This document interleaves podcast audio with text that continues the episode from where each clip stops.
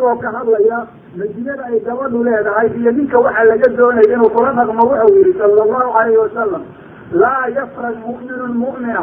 Ninka mu'minkaa gabar mu'minadayo u carooni hadduu akhlaaqdeeda qayb kamida naco radiya minhaa khuluqan aakhara akhlaaq kaloo raalli uga noqonaya. Marka ha u caroonin baa lagu leeyahay. Waxaad arkaysaa markay waxyaala geysato inaad dulqaadato ilaaliso in lagaa doonayo.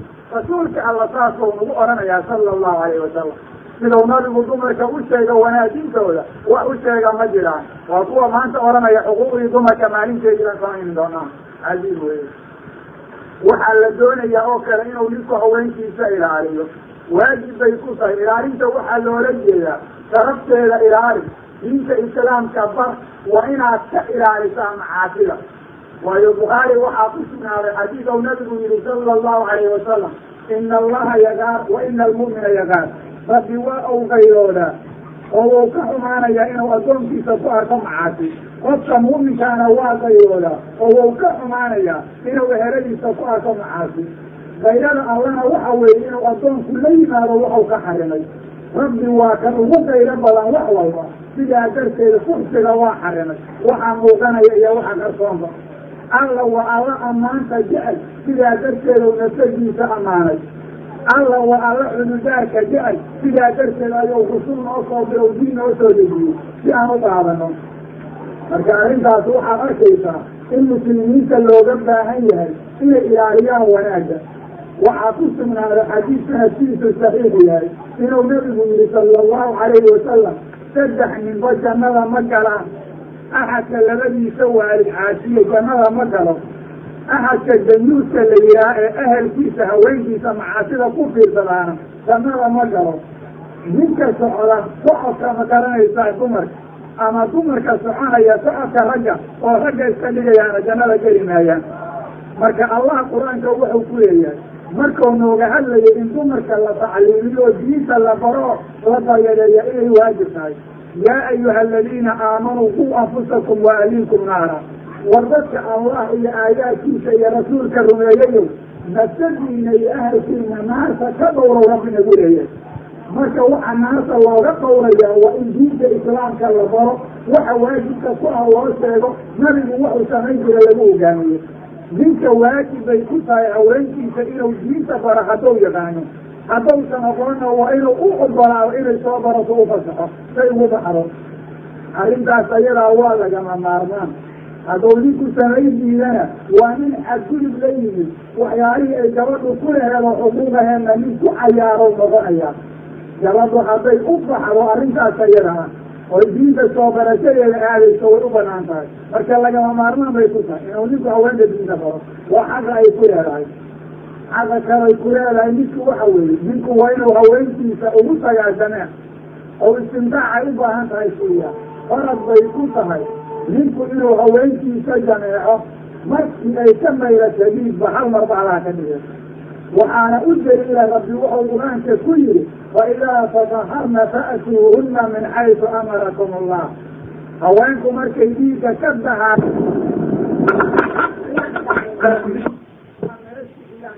inaad uga tagtaan sidaas ayaa lagama maarmaan ah. Waajib ninka lagu leeyahay weeye afar bilood haddii uu meel aado ka badan kama maqnaan karayo waajib bay ku tahay raggu inay dumarkooda istimtaaca u baahanyiisiiyaan rag baa ku xumeeya dumarka oo aan u tegin ama ka fogeynayo inaanaynin waxay taas ula jeedaan oo inay uga wala jeedaan waxaa arrintaas cadaynaya cumar bin khadaab markuu degada islaamka hayay bou hameen waxau maqlay isagoo wareegaya gabad odhanaysa hameenka dhinacyadiisu way madow yihiin. Haddaana rabbigay ka cabsanaynin sariirtayda waa la dhaqdhaqaajin lahaa waxaana aada ii dhibaya in aanan haysanin sawjkaydii markuu sidaa yidhi ay gabadhii tiri cumar ninka la yidhaah gabadhii magaceeda ayuu oqoonsaday ninkeedi inuu jihaad ku maqan yahay ayuu ogaaday. Amar buu ku bixiyey inuu ninkeedii soo galo. Cumar wuxuu u yeeray gabadhii oo dhalay ee xabso aheed markaasuu ku yihi maamay imisay gabadhu ka samri kartaa ninkeeda hadday idin leedahay. Markaasay tiri maxaad ii weydiinaysaa arrintaas waxau yihi waa lagama maarmaan maxaa yeelay diin ahaan baa loogu baaday. Waxay tiri shan bilood ama lix bilood wax ka badan in gabadha ninkeedu ka maqnaado ayagoo caafimaad qabtaa dhibaatay u keenaysaa. Cumar wuxuu amar ku bixiyey dadka jihaadka ku maqan inay afar bilood maqnaadaan oy jihaadka jiraan dibadeedna la soo bedelo si gabdhaha xuquuqdooda loo ilaaliyo. Gabadha ninku waa inuusan u dhibaato gelin inay iyadu weydiisato ee waa inuu danaha ay doonayso u fuliyaa leanna waxaa laga yaabaa inay ka saliigato sida gabar muslimadaba ku dhacday hadda ka hor. Oo gabadhaasi waxay ahayd waqtigii cumar bin khadaab ninkeeda waxay uga eeseegatay inuu maantii oo dhanna sooman yahay habeenkii oo dhanna salaatuleyl dukanayo tiri ilaahay daacadiisa nin la imaanayana ma anqarsan karayo ma oran karayo cibaadada alla ka tag xaqaygiina halkaa ayuu ku baabi'iyey ninkii asagahay waxaa lagu yihi haweentaada xagga ay leedahay si haddaad ugu badatana saddex habeen ka badan ama ogaani waxaana ogaanaysaa jamaaca haweenta uu ninkiis ninkeedu jameeco waa sadabo waayo muslim waxau nabigu kusugan ku yihi xadiis ku sugan sala allahu calayhi wasalam ninku hadduu haweenkiisa jamaac ugu tago ayaga u xalaala ajir ayuu helayaa markaabay saxaabadu yidhaaheen mashaawada ajirna laka siinaya. Haddaad ka sinaysataan soo ku dambaabi maydaan boge maxan baa la yidhi? Markaabuu yihi kana ajri baa laga helaya waxaa la suneeyaa ninku inuu haweenkiisa markuu jamaaca ugu tagayo la cayaaro. Waa inuu sumi u sameeyo ou sumiyo. Marka uu jamaacana waa inuusan ka tegin ilaa ay ka gudanayso istimtaaxay u baahan tahay sidaas waa laga amaarmaa lianna nabigu aad ugu dhaleeceeyey ninka inta haweenta sidii dil inta insultaaga ka caarayo looma baana sida oo kale. Waa in gabadha mulaacabo iyo taqbiil sumin iyo danaha ay leedaho loo fuliyo loo sameeyaa ragga muslimiinta waa inay arrintaa gartaan waa lagama maarmaan waxaa laga yaabaa kuwa shayaadiinta ah inay arkaysid inay waxyaalaha samaynaya oo la leeyahay ninka waa inuu gabadha sumeeya waxa noocaasa dadka islaamka waxaa laga yaaba inaysan waxaa daryeeleyihin arrintaa ayadaa waa in la ilaaliyaa waana lagama maarmaan waxaa aada u wanaagsan ninku markuu haweenkiisa jamaaca ugu tegayo inay aratirtooda bal haystaan maxaa yeelay waxaa fiican ilaa ay ijtamaacayaan inay aratir haystaan ninka waxaa loo baahan yahay inuusan aratirkiisa iska qaadin haweenkiisa marka uu gaarayo iyo markuu saxaroonayo mooyaane qofka waxaa la sumeeyaa oo aada u wanaagsan isu tegayaan waa inay rabbi xusaan shaydaankana ka magan galaan waayo rasuulku wuxuu yihi sala allahu calayhi wasalam xadiis saxiixayna ku sugan markau ninku haweenkiisa uu tegayo hadduu yihaha bismi illaah allahuma janibna shaydaan wa janibi shaydaani maa rasaqtana magaca alla ayaan magangelayaa. Rabbow shaydaanka naga dhowr annaga iyo waxaa nagu alsawaa hadduu yidhaahdo. Haddii rabbi canug siiyo hameenkaas canugaa asagaa shaydaanku dhibi maayo. Marka waxaa loo baahan yahay inay marka isu tegayaan rabbi xusaan oy magaca alla la yimaadiin waxaa mamnuuca oo xaaraana ninka iyo haweentu waktigay ijtameecaanay isu tageen inay ku sheekaystaan jamaaca dhexdiisa waana hadal marwada iyo daymaha dhibaya oon faa'iida ku sugnayn. Haddii aan dan wacatay jirin haddii duruufu keentay inay isla hadlaan gooni weeye oo culum u baneeyo laakiin inay baalaa yacni iskula hadlaan lama ogola. Waayo rasuulku wuxuu yihi min xusni islaami ilmari tarku maa laa yacni. Qofka muslimka islaamkiisa wanaagiisa waxaa ka mida inuu waxyaalaha maalaa yacniga ka tago. Arrintaas iyadaa waa lagama maarmaan waxaa kaloo laga doonayaa ninku haweenta ou qabo inuusan ka sheekayn waxyaalaha ay leedahay oo qowl iyo ficil ah culuubteeda iyo waxay kula hadasho iyo waxay isku yidhaahdeen markay isu tegayaan. Lianna rasuulku xadiid bau ku oranayaa sala allahu calayhi wasalam alla agtiisa dadka waxaa ugu sar badan maalinta qiyaamada ninka haweentiisa u tegaya iyo haweenta ninkeeda u tegaya sirtooda filinaya. Sidaas ayuu ku tilmaamay rasuulku wuxuu yihi sala allahu calayhi wasalam sida axmed iyo abu daawuud ay qoreen maalin bau ku yihi ragga iyo dumarka isagoo la hadlaya.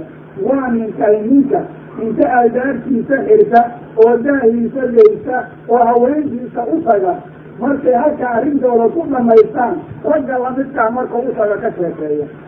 Iyo haweenta markay gabdhaha u tagta iyado ninkeeda ka sheekaysa waa kuway markaasay yidhaahdeen yaa rasuulallah naguma jiraan dad noocaasiro gabar yar ee ow dhalay ka camin la yidhaah ayaa inta jilbaheeda ku fadhiisato isdheerayday si uu nabigu ugu jeeda hadalkeeda u maqlo ayay waxay tiri yaa rasuul allah raggu dumarkooda waa ka sheekeeyaan ilaah ku dhaartaya haweenkuna raggooda way ka sheekeeyaan markaasuu yidhi salawaatu ullahi wasalaamu calayh marka ninka iyo haweenku isu tegayaan waxaa dhex maraya kuwa banaanka ku sheega waxay la mid yihiin nin shaydaana iyo naag shaydaanada ee dariiqa dhexdiisa ku baray ayay la mid yihiin yidhi salawaatu ullahi wasalaamu calayh marka lama baana arrintaas inay dhacdo.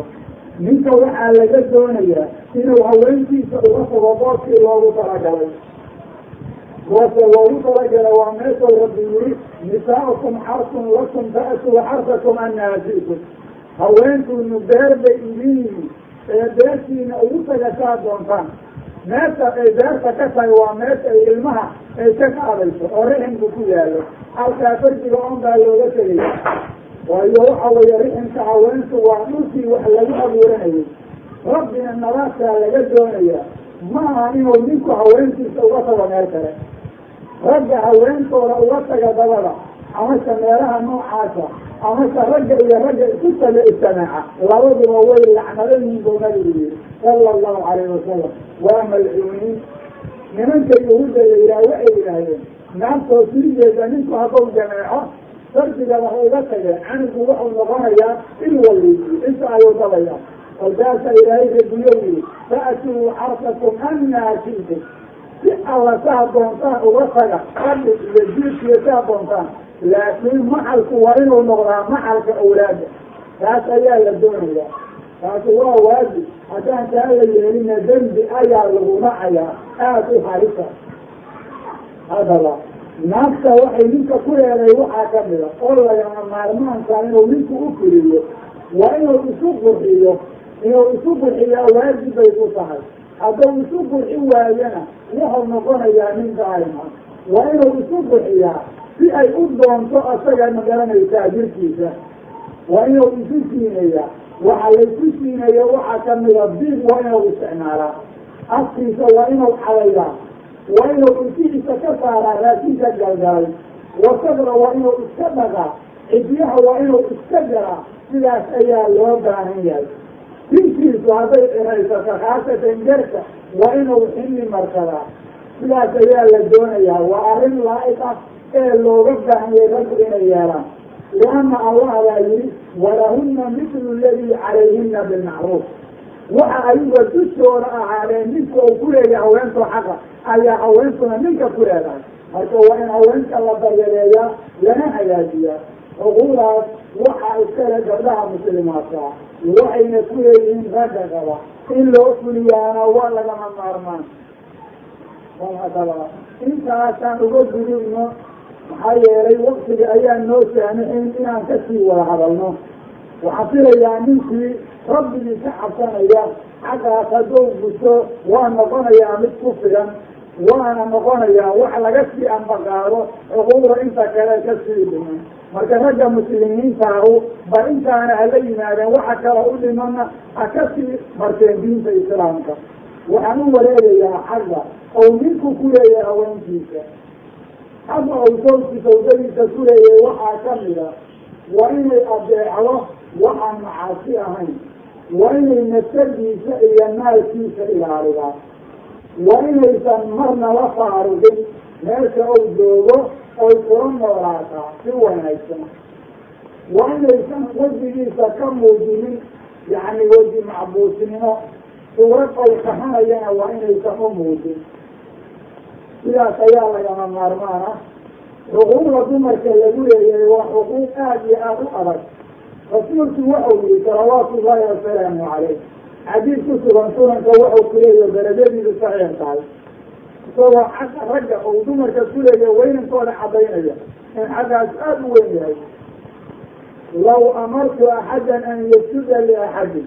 Haddii aan amri lahay axad inuu axad u sujuudo la amartu lmar'ata an tasjuda lizawjiha haweenta ayaan amri lahaa inay ninkeeda u sujuudo buu leeyahay xagga uu ku leeyahay weynankoo ka qabo ayuu leeyahay laakiin laa'iq ma ahan axad aadamiya inuu axad aadami oo kale usujuudo sujuud rabbi kaliya ayaa iskale laguna caabudaa laakiin hadday dhicin laheyd arrintaa inaan sameeyo saas yaan yeeli lahay buu leeyahy sala allahu alayh wasalam waxa la yeelaya ma ahan oo looma baahno rabbi wuxuu ku sifeeyey gabdhaha saalixaadka ah inay raggooda adeecsan yihiin oo waxau yihi faasaalixaatu qaanitaatun xaafidaatun lilgaybi bimaa xafida allah.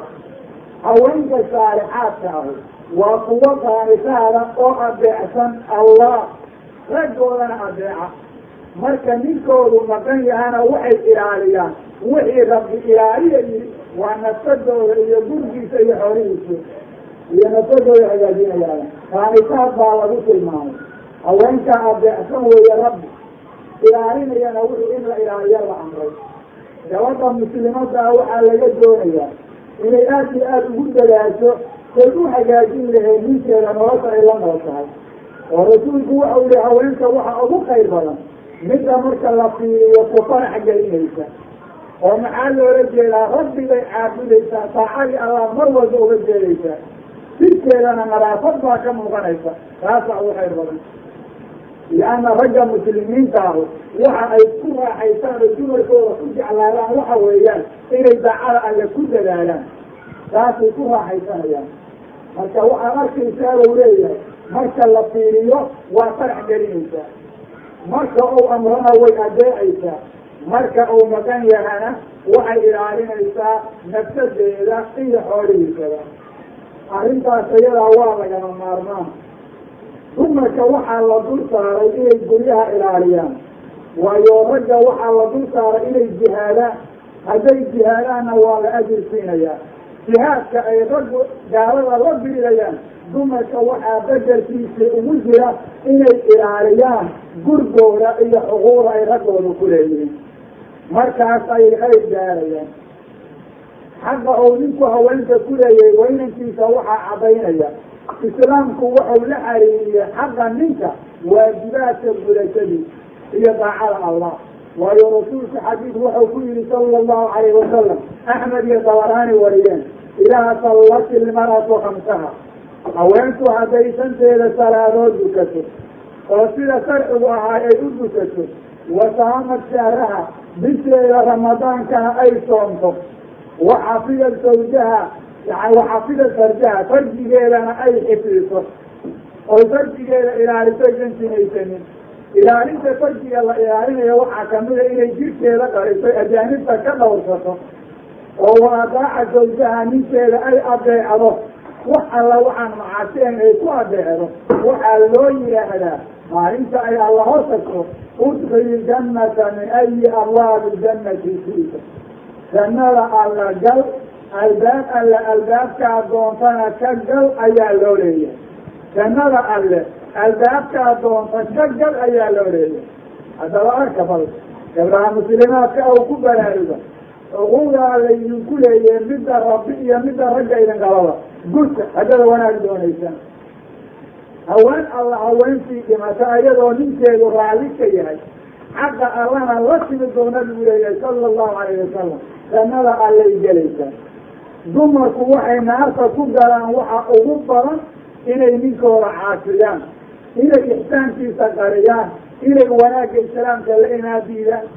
Waayo rasuulku xadiis bukhaari ku sugan wuxuu yihi ibtaractu fi nnaar naarta ayaan fiiriyey fa idaa aktaru ahliha annisaa dadka ugu kuba yani ku jira waxaa ugu badnaa haweenka maxaa dhacay yadkurna alcasiira ixsaanka ka dhaxeeya ayaga iyo qariyeen oo isku xadgudbeen mid kamida haddaad wanaajiyo wax kasta uu sameeyo oy xumaato kugu aragto weligaa khayr kuguma aragay kaaga bixin bau leeyahay sala allahu alayh wasalam marka arrintaas ayadaa waa inay iska dhaafaan dumarku oy xuquuqda lagu leeyahay ilaaliyaan rasuulku wuxuu ku oranaya xadiis saxiixa ku sugan. Ninku hadduu haweenkiisa ugu yeerta firaadka oy diinto inay u timaado cudur diintu ugu cudurta asagoon jirin ee uu bariyo isagoo u caraysan malaa'igta allaa lacnadaysa ilaa ay ka waabarisanayso bal haddaba fiiri xaqa lagu leeyahay inay ilaaliso waa lagama maarmaan. Waa inay ninkeeda adeecato adeecday hagaajido daacada ninka waxaa kamida soon sunnaha waa inaysan soomin asagoo jooga ina u idma mooyaane xaj sunnahana waa inaysan xajin asagoo joo isagoon u idmin. Ilaa xajka markay xajinaysa waa tegaysaa waa safraysaa gurgiisana waa inaysan ka bixin asagoon u idmin. Waxaa rasuulka laga wariyey sala allahu calayhi wasalam haddii darajadiisu sugan tahay. Inuu leeyahay xaqu zawji calaa zawjati anlaa tamnacahu nafsaha ninku xagga uu haweentiisa ku leeyahay waxa weeye inaysan nafsadeeda u diidin. Meeshay doontada ha joogteen.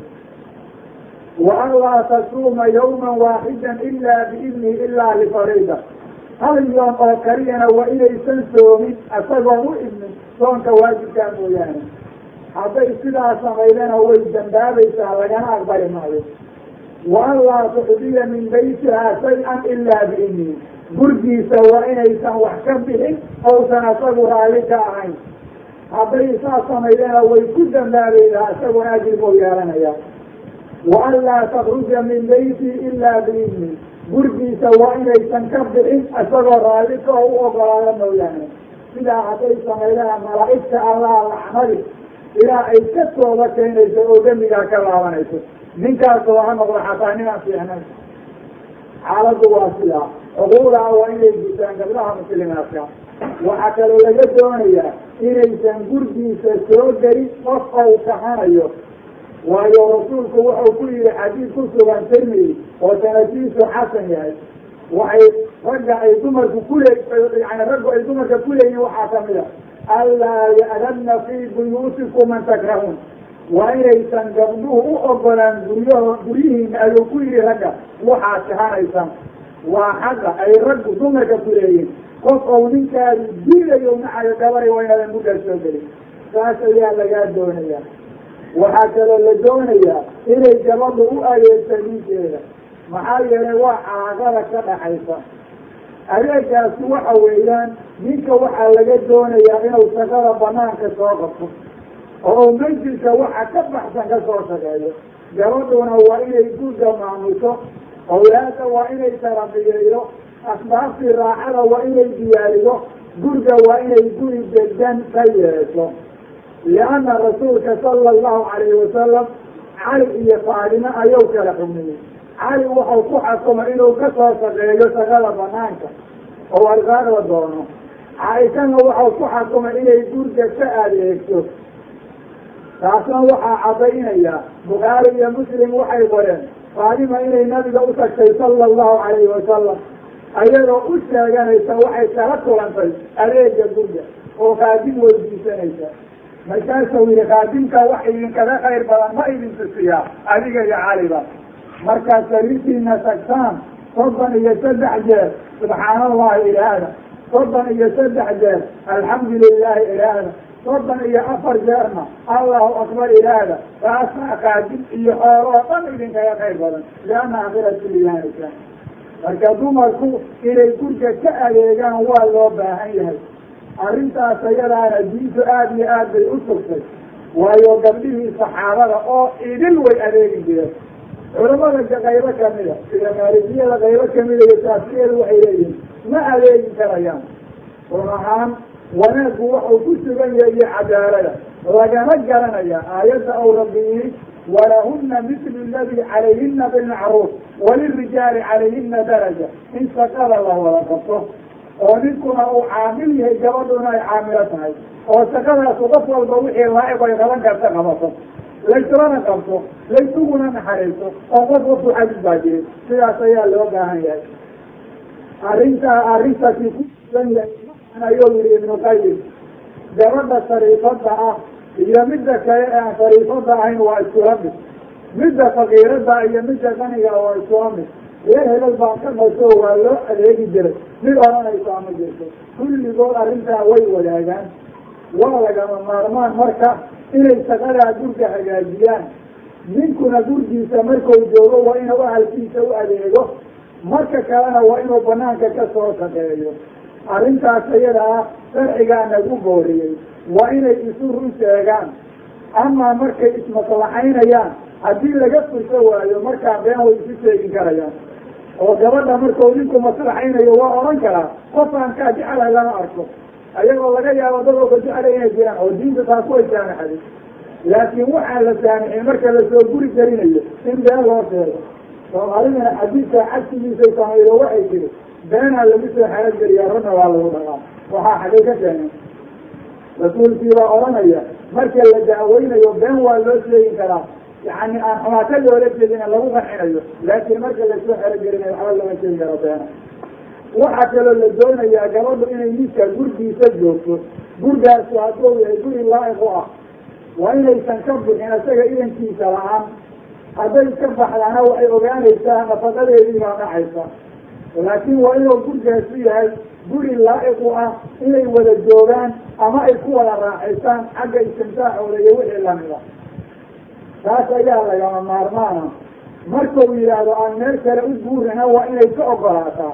Shuruurdii markoo ay isu guursadeen haddaysan ka mid ahayn inaan magaaladaa laga raray laakiin sardi hadday waagi hore ahayd sidaa naarka la gelayay kama u rarin karayo haddaysan sardi ahaynse ma ay ka yani waa inay arrintaas iyada ogolaataa.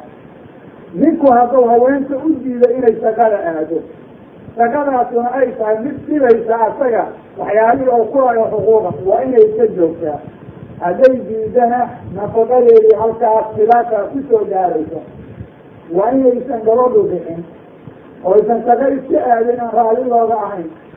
Camal waxaa jira aan dhib ka imaanayn loona baahanyo gabadhu inay qabato sida inay dumarka umuliso oo kale way u bixin kartaa cilmi hadday dalbayso waajib ku ah way u bixin kartaa ninku haddaysan barayn leanna ninka waxaa waajib ku ah inuu axkaamta diinta islaamka gabadha baro haddii uu yaqaano haddausan ogoonna waa inuu u ogolaado hadda u ogolaan waayana ka dhagaysanayo waa ku dhaxaysaa naasi naasisadna noqon mayso oo kuma xadgudbin karayo sharciga ayaa u ogol waayo xuquuqda alla inay barataa loo ogoliyay gabadha.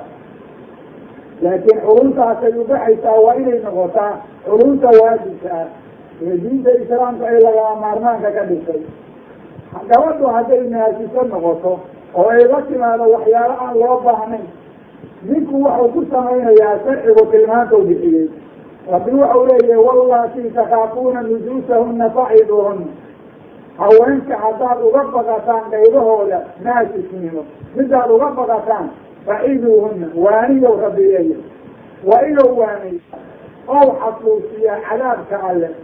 Oo u sheegaa xaqa uu ku leeyahay iyo sida rabbi u ka doonayo inay ufuliso hadday waanadaa ku waana qaadadiiso rabbi wuxuu yihi sameeya wahjuruuhuna fi lmadaajic sariirta ka durugsada wey diifka waxaa jira yihi gurga uga taga ma dhigin gurga loogama tegin karayo hadalkana lagama goosan karayo saddex maalmood wax ka badan.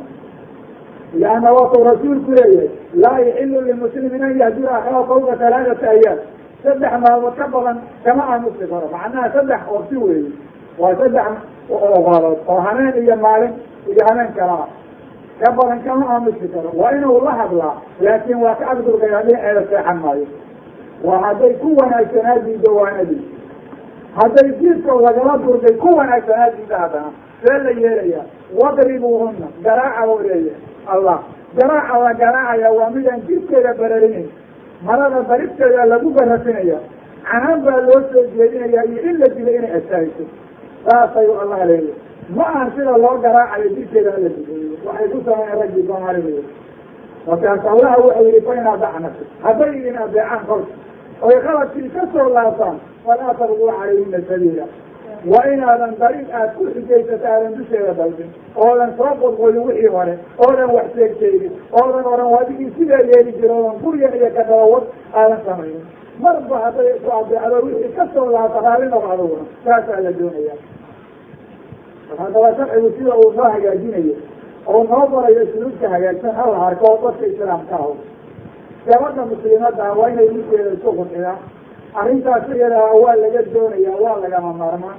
Maxaa yeelay isku xinta la isku xinayo waxaa ku jira wanaagii dhammaan ee loo baahnaa. Marka arrintaas iyadaa waa in la fuliyaa.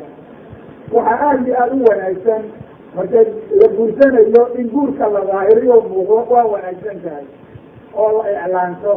Waxaa lagu iclaaminayaana waxa weeyaan in farxadda laga dhigo meel wada garanayo waasica oo dadku isugu imaanayaan oo dadku ay yani loo muujiyo kulligood in gabadhaa la guursanayo arrintaas ayaa loo baahan yahay. Mawduuca isaga ah iyo dardaarankii dumarka lagula dardaarmay iyo kuwii kale lagula dardaarmay. Hadday iskala mid inay isguursan karayaan oo la isugu fahmi karaynin qabiil.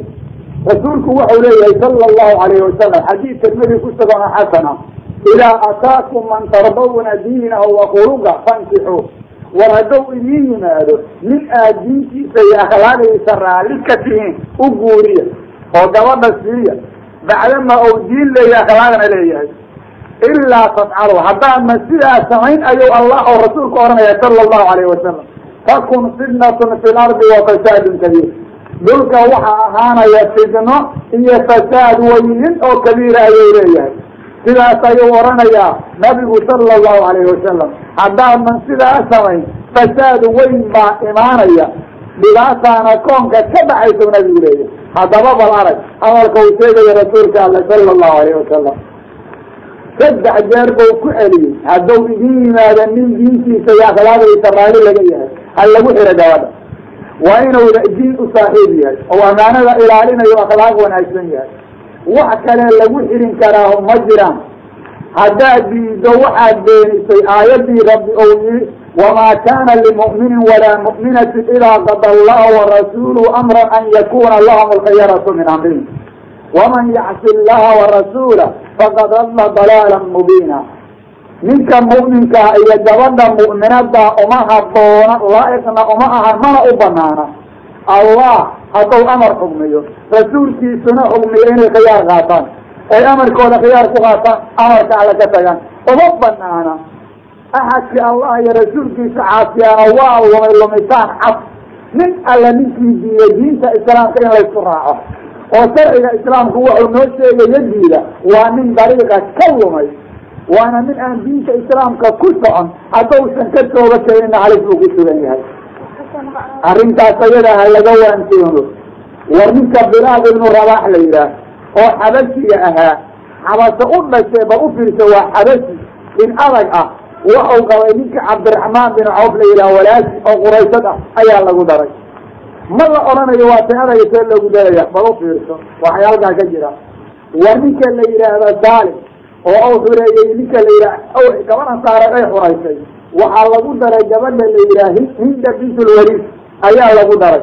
Gabadhaasoo quraysad ah ayaa lagu daray ninka addoonkaa la xureeyey bal u fiirso waa addoon la xureeyey markaasaa gabadhii ugu qiimaha badneed gabadha gabdhaha lagu daraya gabdhaha waxaa lagu fiirinaya waa islaamka iyo dhaqanka diinta islaamka. Cali bin abi daalib ninka la yihaha ayaa la weydiiyey oo la yidhi dadku carab iyo cajam ma u kala fadli badan yihiin.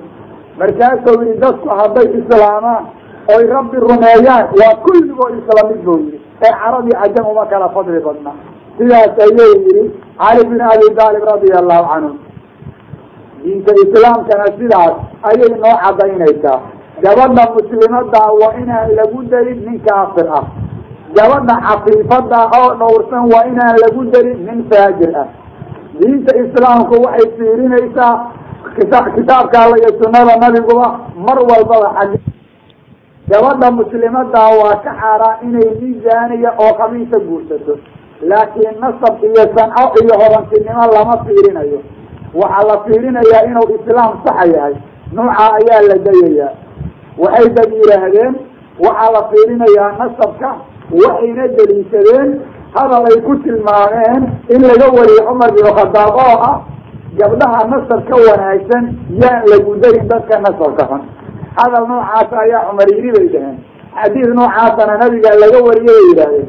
Hadalka noocaasa waa kidbi asalna ma lahan waana hadal ay yahuudi tiri oy diinta ku soo dartay leedahay dadka bal islaamka ha lagu khayaaneeyo. Si ay markaa u kala fogaadaan guurkooda. Caalamka markaa dib ugu laabatid dadka reeraha boqor sheegtaa gabdhahooda lama guursado. Waa waxyaa badani kuwa ayagu inay xoolo leeyihiin isku didaya xoolahooda gabdhahooda lama guursado balse waxaa ka dhacday xaafad kamida magaalada muqdisho sida bakaarahoo kale. In nin ou laba gabdhood dhalay ee miduna ay garac qaaday midna ay nin la timid aan reerkiisa ahayn ee ou yidhi intaan nin reer hebela gabadh ku daran lahaa inaan ganac koriyaa iga roon. Sidaas ayuu ku jawaabay. Ninkaasu maxuu islaam diinta xagow ku arkay. Bal aan isweydiinay waxaa ma islaamnima waa wax yaa badan oo aada u yaa badan waxaa markaa dhacday in rag kale ay dooneen dumar noocaasa ee lagu yidhi waa inta aad adinku reer hebela noo soo doonaynaysaan gabdhaha anaga ha ka soo tunteen meelaha laga tunto. Ragay la tuntaan iyo wiilalay la haasaabaan miyay waayeen?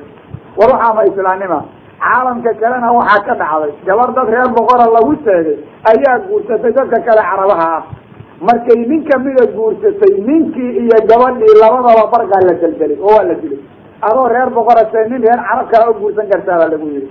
Bal u fiirso haddaba dadka nuucaa ku dhaqmaya waxay kuleeyihin anagu diin baanu sara u qaadayna. War ma alla laga yaabo.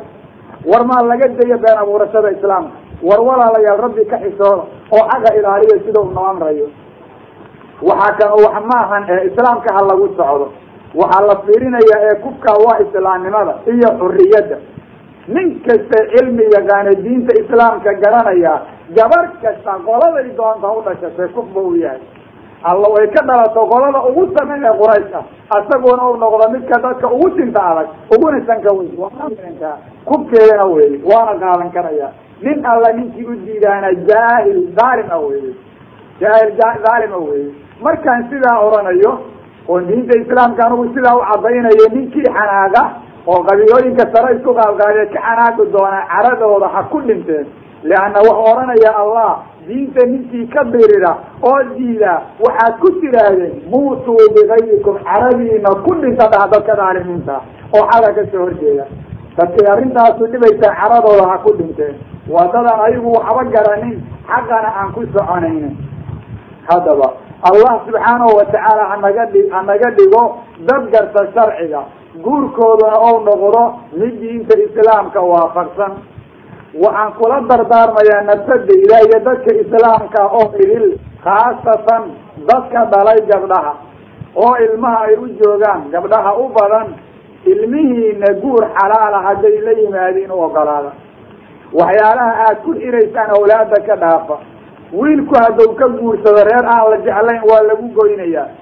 Gabadhu hadday la timaado nin aan la jeclayn lama siinayo.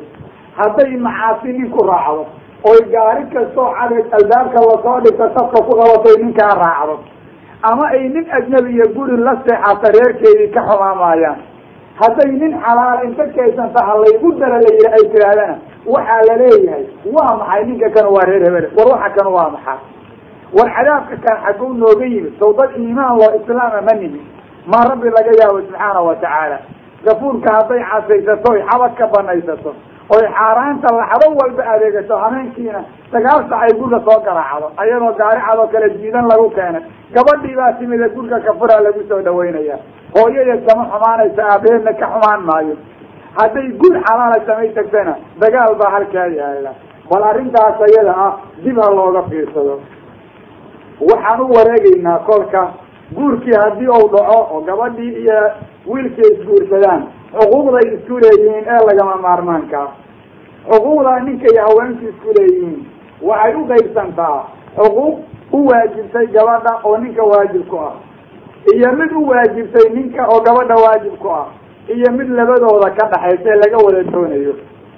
Xuquuqda mushtariga ah waxa weeyaan labadooda qof kastoo kamida waxa u banaan inuu qofka kale ku istimtaaco. Oo waa isu xalaal. Lianna istimtaaco suuragal ma ahan inay labadoodu wadaagsadaan mooyaane. Marka istimtaacu waa ka dhaxeeya. Arrinta kale waxa weeyaane ka dhaxaysa xagga sodohnimada gabadha waxaa ka xaaraana ninka qaba aabayaalki iyo yani awowayaalki iyo ilmaha ow dhalay waa ka xaaraan oo ma guursan karaan. Waxay u tahay dad yani maxram ah saas ayay noqonaysaa. Ninkana waxaa ka xaaraana gabadha ow qabo hooyadeed iyo gabdhaha ay dhashay iyo dadka noocaasa. Waa ka mamnuuc waxaa kaloo lagama maarmaana eheladaas gabadha ku timid darteed. Ama eheladaa ninka ku timid inay xariiriyaan oo ilaaliyaan iyo dadkaa maxramka ah. Waxaa kaloo ka dhaxeeya waxa weeye inay isdhaxlaan ninku hadduu gabar guur dhimato waa dhaxlaya sida rabbiba qur'aanka noogu sheegay. Gabadhuna hadday nin guursato ninku dhinto waa dhaxlaysaa. Dhaxalkaasuna waa ka dhaxeeya waxaa kaloo ka dhaxeeya nasabka canuga. Canuga way wada dhaleen oo nasab ahaan way u wadaagaan. Arrintaasna mushtarig bay ku yihiin. Waxaa kaloo ka dhaxaysa inay wanaag ku macaamiloodaan. Sida ilaahba qur'aanka ku yidhi wacaashiruhuna bilmacruuf. Waa inay si wanaagsan ku wada noolaadaan oy dhaqan wanaagsan isku qaabilaan. Waxaa kaloo ka dhaxaysa inay is-aaminaan oo qofka qofka kala aamino iskuna kalsoon yihiin. Maxaa yeelay waxaa rabbi ku tilmaamay haweenta ninka labiskiisa. Ninkana waxaa lagu tilmaamay inuu haweenta labiskeeda yahay. Funaanada aada qabtid ama marada aada xidhantahay ma ka shakinaysaa kama shakinaysid waa inaad gabadhaad qabtid u aaminsan tahay sida funaanadaad oo kale. Gabadhuna waa inay ninka u aaminsan tahay sida gogorada ay qabto oo kale. Arrintaasi waa lagama maarmaan lianna hadday kala shakiyaan oo yani ay iska hadaan meeshii waxaa imaana baaba-aysa suxbadii iyo guurkii arrimihiisii hagaagsanaa marka labadaa qofood waa inay isku kalsoon yihiin isla jecel yihiin isna ilaalinayaan arrinta ayadaa waa lagama maarmaan shayga ammaanka la yidhaha waa shay khata khatir ah oo inay labada qofood is aaminsan yihiin ah inay wanaag ku wada dhaqmaanna waa lagama maarmaan waa inuu qofku qofka kale markau hadlayo hadalkiisa dhegaystaa waa inuu qadariyaa? Waa inay ixtiraam gaar ahaaneed isu hayaan? Saas waa lagama maarmaan. Haddaysan isu hayna wax wanaaga ma jiraan. Gurga markay wada joogaan hawsha gurga waa inay wada qaban karaan. Waa inuu ninku odhan karaa gabadhiisa waxaa iisoo qaba hebley. Ayaduna waa inay odhanaysaa. Oy dad isku kalsoon oo niyad isu hayo waa inay noqdaan. Arrintaas ayadaa waa lagama maarmaan. Haddii la doonayo in uu noqdo guurku mid hagaaga. Aan u soo gudubna xuquuqda waajibka ku ah ninka oo gabadha u waajibaysa xuquuqdaasu waxay uqaybsantaa labo. Mid waa mid maali ah oo xagga maalka ka timid midna waa mid aan maalka ahayn xagga mucaamilka kale ah. Midda maalka ka timid waxa weeye mahad iyo nafaqo. Labadaaso xoolaha xaggooday ka socdaan waajib weeye. Islaamka wanaajintiisa waxaa ka mid a inuu dumarka hagaajiyey in la ixtiraamana oo waajib ka dhigay aada iyo aad in loo dhowrana ou doonayo ixtiraamkii la ixtiraamayo waxaa ka mid a in gabdhaha mahar la siiyo oo la daryadeeyo sida rabbiba qur'aanka ugu yihi wa aatu nisaa saduqaatihina nixla.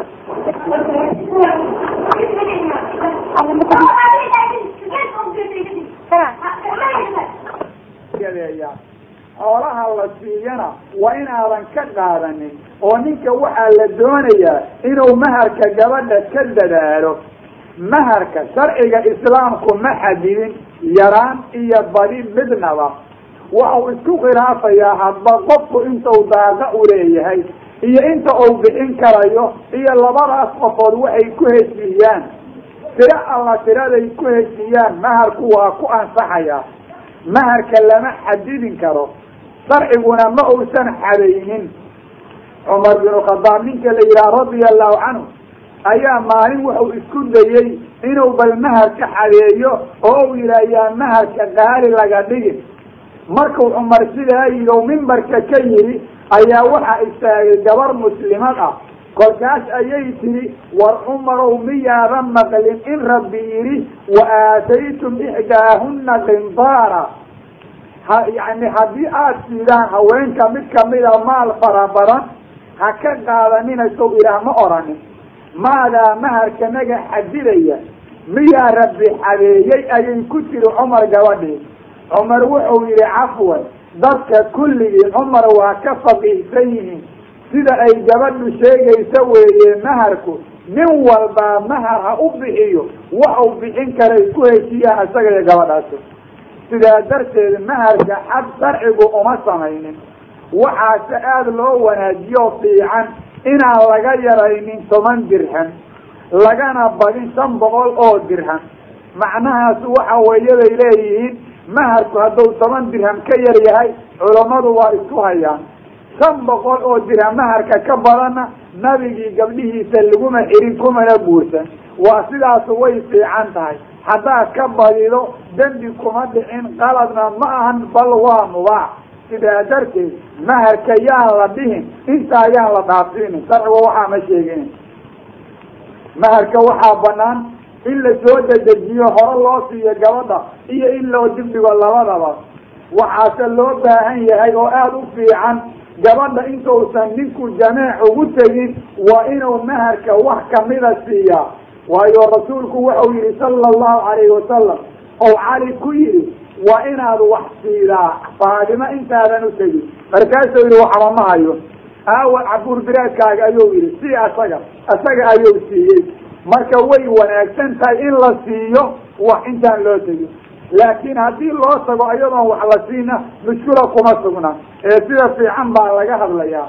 Maharka gabadha haddii ninka uusan siinin ee u diido waxaa loogu yeelanayaa wujuub wouna ku dambaabayaa maharka oo dhanna waa u waajibayaa ninku hadduu gabadha u tago jameec ugu tago waa lagama maarmaan inaan maharka dumarka laga khayaanin aanna loo diidin. Waa xoolay ayagu iska leedahay waa in la siiyaa. Siday doontana waa inay ku samaydaa markaa arrintaas ayada ah ayaa loo baahan yahay in dadka muslimiinta ah ay sameeyaan. Haddaba ninkii maharka faqiir ka noqdee diibi waayaa oo isagu aanba bixin karaynin marka horeba gabadhu way diidin karaysaa. Oo laasim kuma ahan inay tira inay raacdo. Maxaa yeelay waa laysku diidin karaa shayga xoola la'aanta ah. Oo gabadhu way odhan kartaa ninka kan waa faqiire ma raacayo. Misaal haddii nin iyo gabar ay isdoonaan oy isu sheegaan arrimahooda laysu sheego waxaa lagama maarmaana waxaas hadday isku raacaan inay isguursadaan oo laysiiyo laakiin hadday gabadhu tidhaahdo nin aan xoolo lahayn amaan cilmi garanayn amaan sida ahayn ma yeelayo waa in laga deeyaa. Leanna rasuulka sala allahu calayhi wasalam gabar baa u timid saxaabiyada markaasay tihi waxa ay soo doonay faatima binta qays abaajahmi ninka la yidhaah iyo mucaawiye ayaa isoo doonay. Waxau rasuulku yidhi mucaawiya waa faqiir oo maal ma lahan. Abujahmina haweenka ayuu dilaa ee ninka usaame la yidhaah guurso balo fiirso marka macnaha waxaad arkaysaa in haddaan ninku xoolo lahayn gabadhu diidin karto waxaa laga yaabaa dadka gabadh inay wax ku dhaleeceeyaan. Faqiirnimay ninkaa ku diidan maxay faqiirnimo wax ugu diideysaa? Gabadhu hadday muslimo tahay iyo haddaysan ahayn ba ninka way ku diidin kartaa faqiirtinimada. Leanna xooluhu waa nolosha. Hadday raalli ku noqotona way ku raacin kartaa. Hadday diidana waa bis waa dhamaatay. Laakiin maaha in la yidhaha sa faqiirnimo wax ugu diideysaa. Waa nin reer hebel oo nasa fiicani arrimaha noocaasu booska ma yaalin. Runta ha laysu sheego oo shay xaqiiqaha oo las la hubo ha laysku raaco. Arrinta kale ay gabadhu u baahan tahay waxa weeye gabadha waa in loo diyaariyaa guri. Gurigaasoo la geynayo diyaargaraynteedu waa lagama maarmaan. Guri ay ku noolaato iyo alaabtiisii haddaan loo diyaar garaynin ee ay nafsadeeda ninka u diido kuma ay dambaabayso maxaa yeelay waa inay ku qasabtaa guri sharciga inuu la tago. Guri sharciga inuu la tago waa inay ku qasabtaa. Hadday marka ku qasabto ka diido oy nafsadeeda u diido dhaalimad ma aha. Nafaqadiina waa lagu yeelanayaa. Waxaa ku waajiba ninka inuu gabadha nafaqeeyo. Nafaqada waxaa loola jeedaa waa raashin guri ay ku hoyato adeeg iyo wixii lamida daawo uu ku daweeyo hadday xanuunsato arrintaas ayadaa waajib weeye kitaabka qur'aanka iyo sunnada nabiga cadaynaya muslimiintuna saas bay ku ijmaaceen. Rabbi wuxuu yihi wacala lmawluudi lahu risquhuna wa kiswatuhuna bilmacruuf. Raggii loo dhalay ilmaha dushooda waxaa ahaaday haweenka ilmaha u dhala inay nafaqeeyaan aratirna siiyaan. Si macruufa waxaa loola jeedaa waxay helin karaan waxaysa helin karin laguma shaqayn maayo waa marka kan wax loo dhala waa adoogi waa inuu gabadhan arzuqaa waa inuu marasheeyaa waa inuu si wanaagsana u gaabiraa macnaha xadgudub la'aan iyo gaboso la'aan waa inuusanna israaf la imaan xadgudubna la imaanin saas ayaa loo baahan yahay. Xagga guriga markii laga hadlayo alla wuxuu yihi askinuuhuna min xaysu sakantum min wujdikum. War waa inaad dejidaan meeshaad adinku askumaysaan gurga aad degaysa waa inaad dejidaan macnaha makaanka aad degin kartid waa inaad gabadha dejidaan. Ma ahan inaad ku cayaarto inaad tida anigu meel salaan degaya adigana meel xun ku noolow ma ahan. Arrintaa lagaama yeelayo. Dadka markuu rabbi odhanayo wax nafaqeeya wuxuu leeyahay liyunfiq duu sacatin min sacati waman qudira calayhi risquhu falyunfiq mima aataahu allah. Ninkii xoolaha rabbi u waasiciyaa qanaadnimadiisa waxaa ka nafaqeeyo ninka xoolihiisu ciriiri yihiinna wuxuu helin kara ha bixiyo. Nafta lagu kalifi maayo waxaysan helin karin sidaas ayaa la doonayaa. Rasuulkuna wuxuu yihi sala allahu calayhi wasalam markuu ka hadlayey dumarka nafaqaynteedu nafaqayntoodu inay lagama maarmaan tahay. Wuxuu ku yihi ragga isagoo la hadlaya xajatilwadaa khudba dheer ou soo jeediyey oo muslim qoray. Walahuna calaykum risquhuna wa kiswatuhuna bilmacruuf haweenka waxaa u sugan oy korkiina kuleeyihiin ragow inaad nafaqaydaan ood marasaydaan ood si wanaagsan u dhaqdaan ood daryadaysaan sidaas ayuu odhanayaa nabigii alle sala allahu calayhi wasalam rasuulka nin baa u yimid salawaatu ullahi wasalaamu calayh sida xadiis sunanka ku qoran oo uu sheegayo. Markaasuu yihi yaa rasuul allah nin annaga nagamida haweentiisa xaqeedu waa maxay? Oy ku leedahay. Markaasuu yihi tudcimahaa idaa dacimta markaad wax cunayso waa inaad quudisaa wa tagsuuhaa idagtasaysa markaad aratir xiratana waa inaad marasaydaa walaa tadrib ilwajha wejiga waa inaadan wax uga dhisin. Walaa tuqabix waa inaadan caayin. Waa inaadan gurga ka haajirina gurga la soo seexataa gabadha. Saasu waa lagama maarmaan. Arrimahaas ayuu sharciga islaamkuna baraya nafaqadu markay waajibayso waxaa lagama maarmaana shuruudaanu inay jirto nikaaxu waa inuu nikaax saxiixa yahay. Gabadhuna waa inay nafsadeeda u ogolaataa ninka. Inay isku istimtaacaana waa inay suuragal tahay. Labadooduna waa inay inay isku istimtaaca inay ahlu yihiin. Taas waa lagama maarmaan. Haddii shuruuddaaso mid kamida dhimanaato nafaqadii waajib noqon mayso. Misaal gabadhii waxay diiday inay ninka gurgiisa sharciga ugu tagto. Nafaqadeedii waa dhacaysaa idan la'aantiisa hadday iska safartana oo iska dhaqaaqdana nafaqadeedii waa dhacaysaa hadday ku safarto idankiisa ama idankiisa meel ku aadana nafaqadeedii dhici mayse waa lagu yeelanayaa ninka maxaa yeelay idankiisa ayay meel ku jirtaa haddii ay ka dalbato inuu geysto guri ou guri geysan waayo sharciya oo ku hagaagsan noloshooda ee ay sidaa nafsadeeda ugu jiido nafaqadii dhici maydo oo waa lagu yeelanayaa ninka.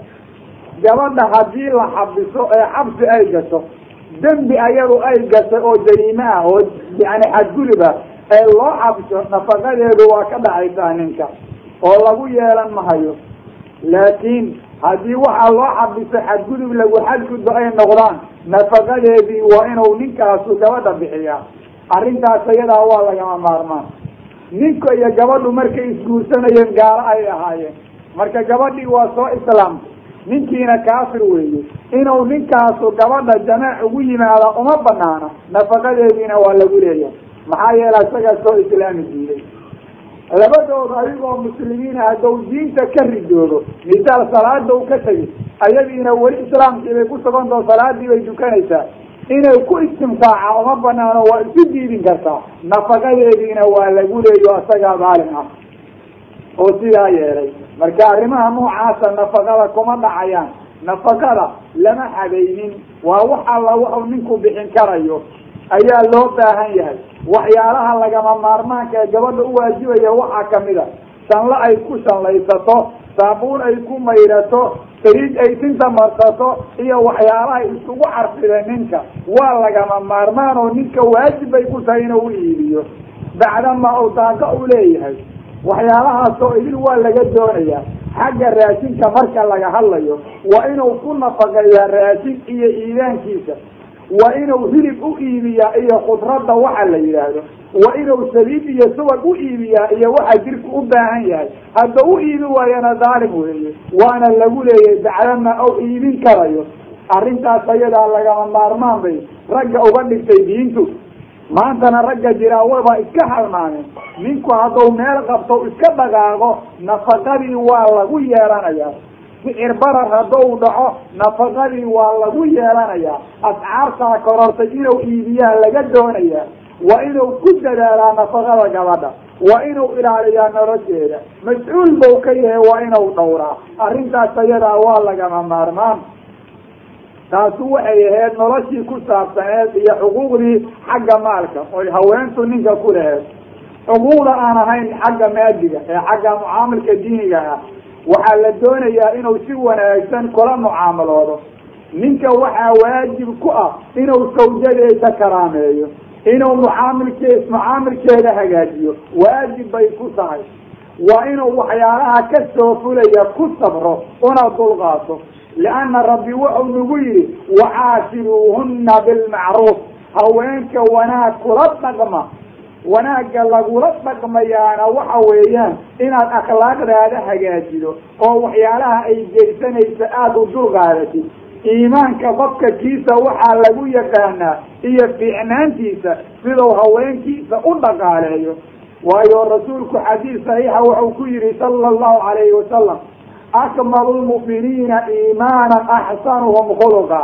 Muslimiinta waxaa ugu iimaan wanaagsan kan ugu akhlaaqda fiican leh wakhiyaarukum wakhiyaarukum linisaa'in waxaana idinkugu wanaagsan oo idinkugu khayr badan oo idinkugu faa'iido badan buu leeyahay nabigu ragow ninka idinkugu dhaqaalayo haweenkiisa ninka haweenka ixtiraama oo haweenkiisa u naxariista oo u dulqaata ayaa ragga ugu khayr iyo wanaag badan buu nabigu nagu leeyahay sala allahu calayhi wasalam arrintaas ayadaa waa inaan garanaa haweenta waa inuu ninku karaameeya lianna karaamaynta haweenta la karaamaynaya waxay daliil u tahay inay gabadhu tahay shaksiyo kaamil ah waxaa la diidayaa in la ihaanaysto oo la dagaalo oo la dhibo lianna rasuulku wuxuu yihi sala allahu calayhi wasalam maa akramahuna ilaa kariim dumarka ma karaameeyo nimaan wanaagsanayn walaa ahaanahuna ilaa la-in ninaan dulli ahayna ma ihaanaysto haddaad aragto nin haweenka la guryamaya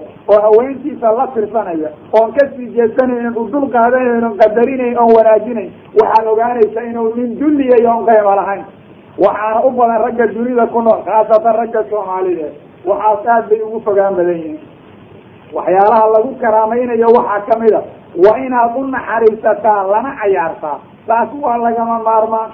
Lianna rasuulku wuxuu ahaa sala allahu calayhi wasalam mid caaisha u dhimriya dhimrintiisu waxay gaartay caaisha inay tidhi radia allahu canha saabaqanii rasuulu llahi sala allahu calayhi wasalam rasuulka ayaa ila tarsama bay tihi fasabaqtuu calaa rijlaya labadeyda lugoodan uga soo dheereeyey falamaa xamaltu laxma markii aan hilibaysay oon weynaaday ayaan la tartama bay tihi markaasuu iga dheereeyey kolkaasayou yihi caaishay u qaadatan tii hore ilaa adugu hadda ka hor iga dheeraysay bal u fiirso macaamilka hagaagsan iyo akhlaaqda halkaa ka muuqanaysa ragga maanta jiraa ma ka suura gashaa inay dumarkooda saa ugu dhimriyaan? Waa waxaan laga sugayn xadiidka asaga axmed iyo abi daawuud baa wariyey. Wuxuu axmed wariyey asxaabu sunana ay wariyeen.